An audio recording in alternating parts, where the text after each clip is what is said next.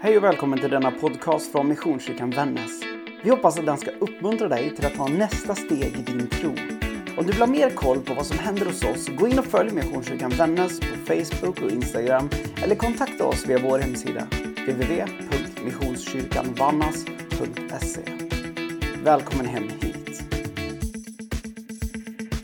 Många av er här inne vet att jag är ju inte anställd i den här församlingen som en pastor, så det är inte av den anledningen. Jag är anställd i den här församlingen med att jobba med barn och familj och med församlingens kreativa uttryck. Och därför får jag kallas för något så fint som församlingskreatör.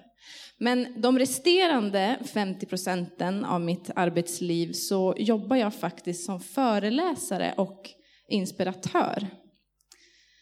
Det jag vill ha sagt är att jag visserligen är van att stå och prata inför folk, men eh, jag är väldigt ödmjuk inför att stå här inför er idag, för detta är faktiskt min allra första regelrätta predikan.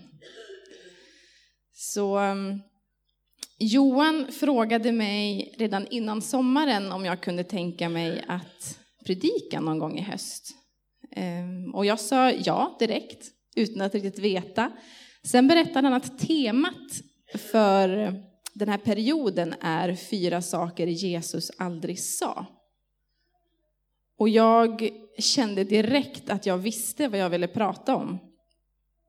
Och jag sa till Johan att jag skulle vilja koppla ihop min personliga historia som ett exempel på att ett liv nära Jesus eller ett liv som kristen inte är lika med ett liv utan lidande.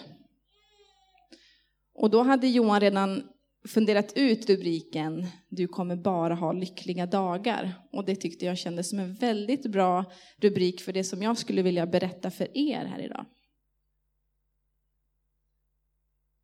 Jag, eh, som jag nämnde tidigare så åker jag runt och föreläser som ehm, för vårdpersonal om patientbemötande utifrån patientperspektivet.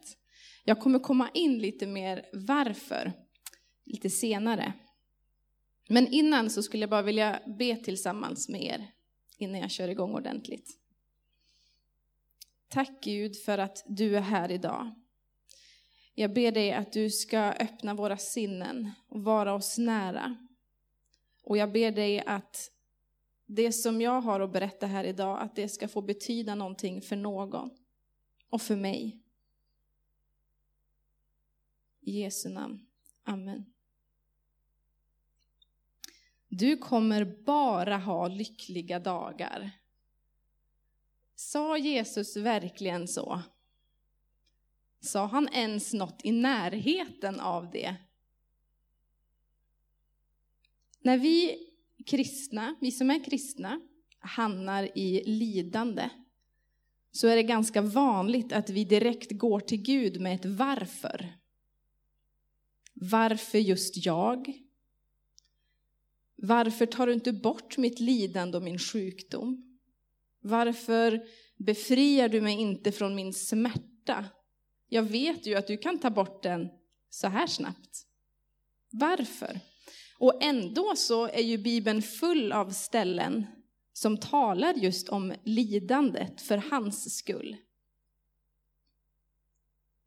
I första Petrusbrevet kapitel 4, vers 13 så står det så här.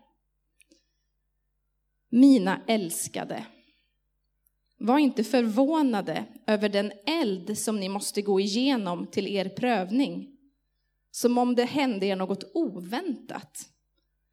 Nej, gläd er ju mer ni delar Kristi lidanden. Då ska ni också jubla och vara glada när han uppenbarar sin härlighet. Vad kan lidande för hans skull innebära? Ofta så kopplar vi ihop det med förföljelse av kristna. Eller utstötthet, att vi blir utstötta på grund av vår tro. Men jag blev kroniskt sjuk som åttaårig liten flicka. Och det lidande som jag har fått utstå på grund av det genom hela mitt liv skulle jag idag påstå var ett lidande för hans skull. Låt mig förklara. Det kan låta lite konstigt när man säger det bara sådär, men låt mig förklara. Jag och min familj fick ett besked att jag led av en kronisk sjukdom när jag var åtta år. Det visade sig vara en mag och tarmsjukdom som heter Crohns sjukdom. Vissa av er kanske känner till den. Det är i alla fall en autoimmun sjukdom som innebär att mitt eget immunförsvar bryter ner min egna vävnad. Och i mitt fall så gäller det min mag och tarmkanal. Och jag är uppvuxen i en pastorsfamilj. Min pappa har jobbat som pastor i hela sitt verksamma yrkesliv. Och tron har alltså därför alltid varit en central del i vår familj. Och helande för mig har därför alltid varit väldigt verkligt. Så, så fort jag insjuknade och fick min diagnos så började lilla Stina, åtta år gammal, gå fram för förbön med den här barnsliga övertygelsen om att det är klart att Gud helar mig.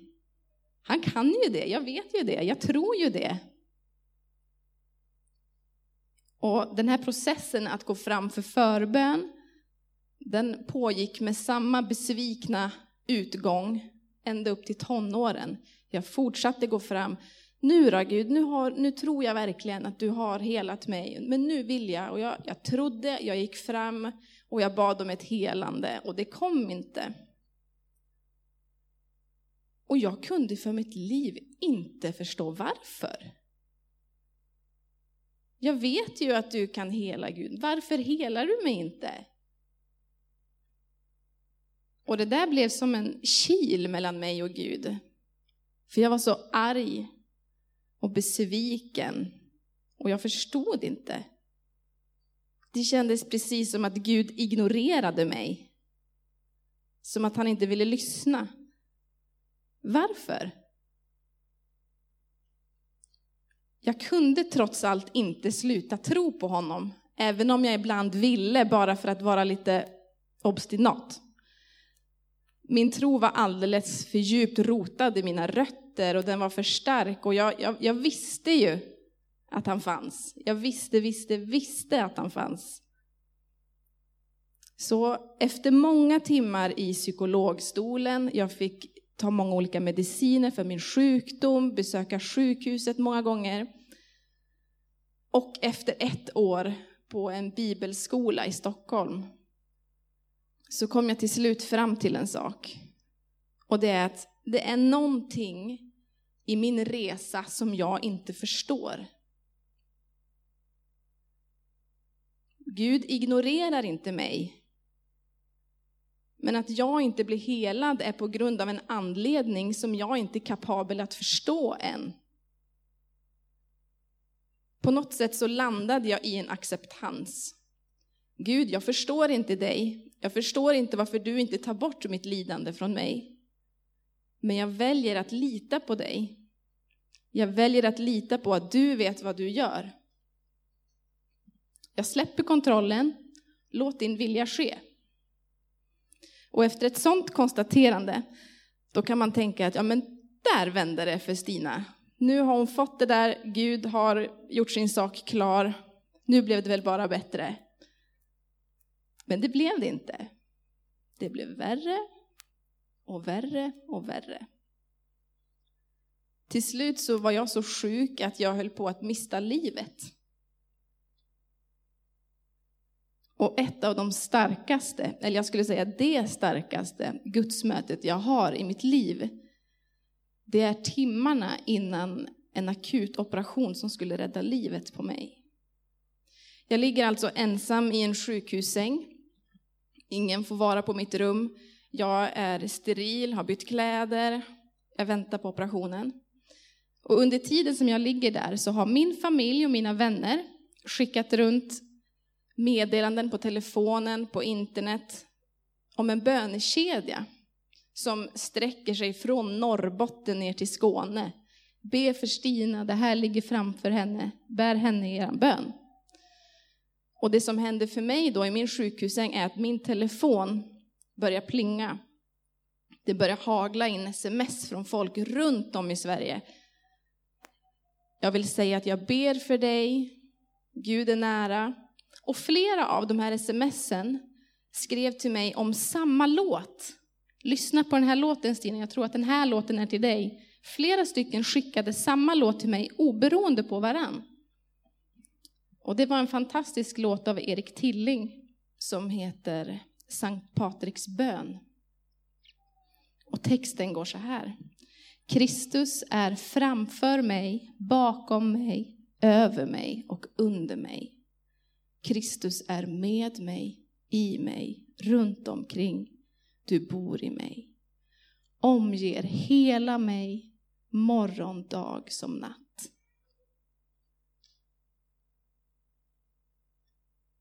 Den där låten, jag satte på den och så stoppade jag in mina hörlurar och så tryckte jag på en knapp som gör att låten går om och om och om igen. När den är slut så börjar den bara om på nytt. Och jag stängde av. Jag ville bara vara ensam med den här bönen, med den här sången i mitt inre. Jag tror att jag aldrig har lidit så mycket som jag gjorde då.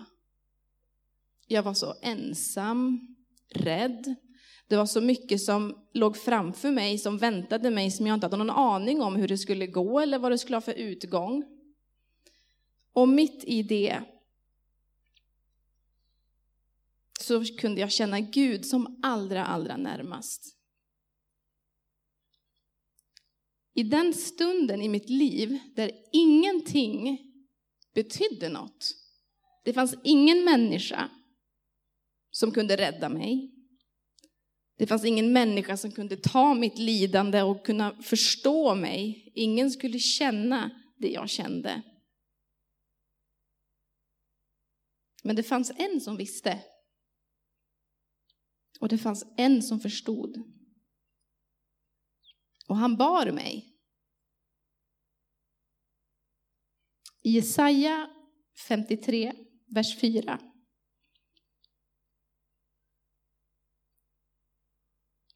Det var våra sjukdomar han bar. Våra smärtor tog han på sig medan vi höll honom för att vara hemsökt, slagen av Gud och pinad. Jag somnade med de här lurarna i öronen samtidigt som låten fortsatte gå. Så när sjuksköterskorna väckte mig någon timme senare och sa att nu är det dags, nu måste du åka, så var låten fortfarande på. Så jag tog ut lurarna och alla pratade med mig. Det var så mycket information inför det som stora som låg framför mig. Men det var ingen som kunde nå mig. Jag ville bara blunda och vara i fred för att jag hade någonting här inne med Gud. Jag hade en kontakt med Gud som gjorde mig lugn och stark inför det jag skulle gå igenom. Blev mitt lidande bättre av Guds starka närvaro? Blev jag fri från lidande? Slutade jag ha ont? Slutade jag vara sjuk? Nej. Tvärtom så var den veckan i fysiskt lidande en av de värsta i mitt liv. Det var en lång återhämtningstid. De opererade bort hela min tjocktarm. Och jag fick någonting som heter stomi på sig på magen. Så det var en otroligt stor omställning. Och det var för att jag skulle kunna överleva. En del kristna kan ibland säga saker som att livet med Jesus, det är bara seger. Livet med Jesus, det är favör. Det är framgång. Så länge vi håller oss på den här lilla smala stigen så finns det ingen lidande. Håll bara blicken fäst på Jesus så lider vi inte. Då är det bara framgång. Men det är när vi glider av den här stigen och tappar fokuset, det är då lidandet kommer. Mitt liv vittnar om någonting helt annat. Mitt liv vittnar om att Gud har fostrat mig i mitt lidande. För att klara av att användas till något större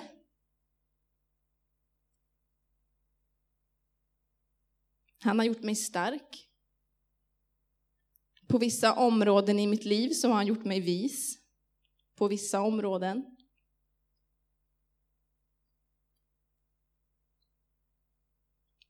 Ändå är jag övertygad om att Gud inte gav mig mitt lidande.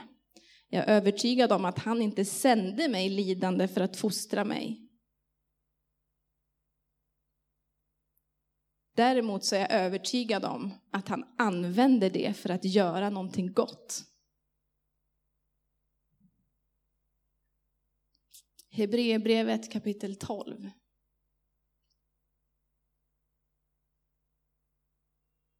För stunden verkar ingen fostran vara till glädje, utan snarare till sorg. Men för dem som har tränats genom fostran ger den längre fram frid och rättfärdighet.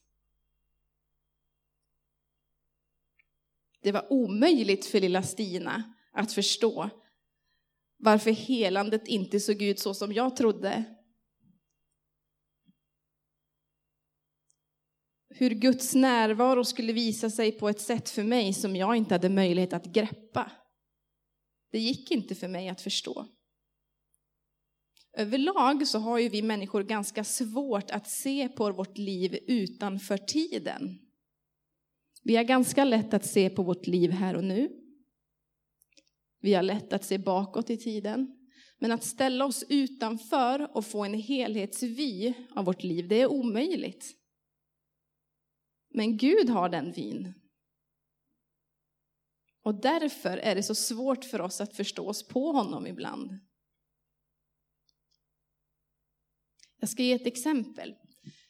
Jag och min man, vi har en sjuårig dotter. Och någonting som vi vill lära henne i livet är att livet är inte alltid rättvist.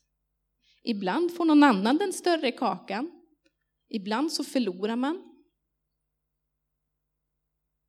Och det är någonting som är ganska svårt för barn att förstå och acceptera ibland. Man vill gärna att det ska vara millimeterrättvisa, att saftglasen ska innehålla exakt lika mycket saft för att man ska vara nöjd, annars så blir man galen.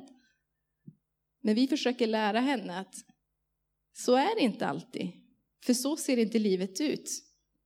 Och det är ju inte för att vi vill göra henne ledsen, utan vi vet att det är en kunskap som är viktig att bära med sig i livet. Att ibland går det jättebra för mig och sämre för någon annan. Och ibland är det precis tvärtom. För vi tänker ur ett annat perspektiv än vår sjuåring. Vi har ett uppdrag att fostra henne.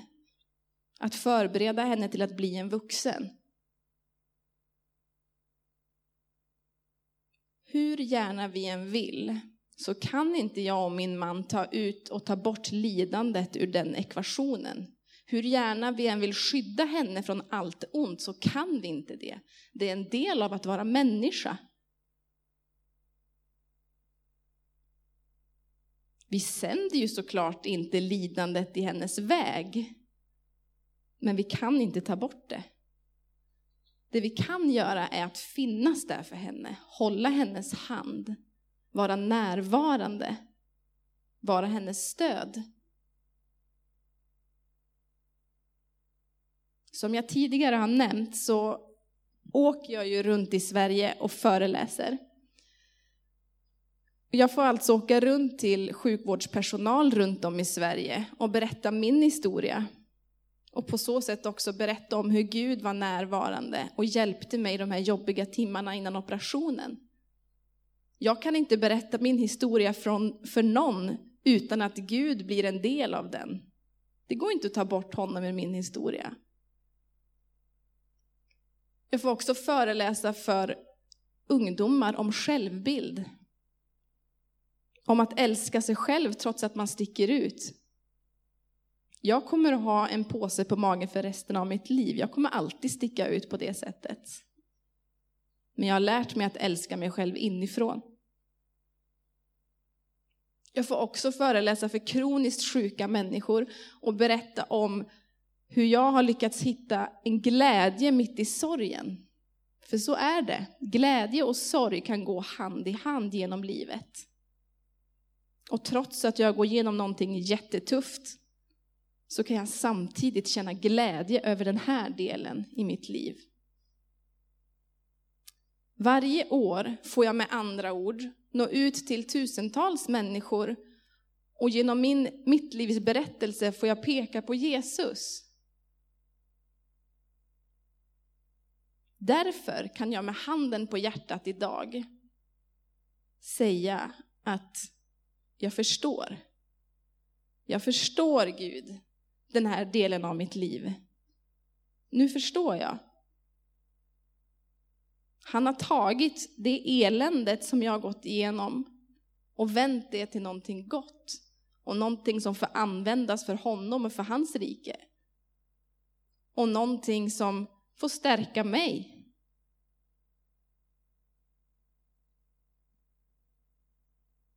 Det finns en enormt gudomlig styrka i det skiftet. När något ont och eländigt får vändas till någonting gott. Det är gudomligt. Och jag hade inte haft den här kunskapen om vissa saker. Jag hade inte fått något ut till de här människorna om Jesus hade helat Stina direkt, Stina åtta år. Det är så mycket i mitt liv som jag har idag, som jag blir välsignad av idag, som jag hade gått miste om om jag inte hade fått gått igenom de här sakerna. Om jag inte hade fostrats till att bli den jag ska vara. Självklart så finns det en tid och en plats utan lidande. Jag tror ju på en Gud som kommer att skapa en ny himmel och en ny jord. Där det inte finns någon sorg och ingen smärta. Men den tiden är inte här och den platsen är inte nu. Uppenbarelseboken kapitel 21.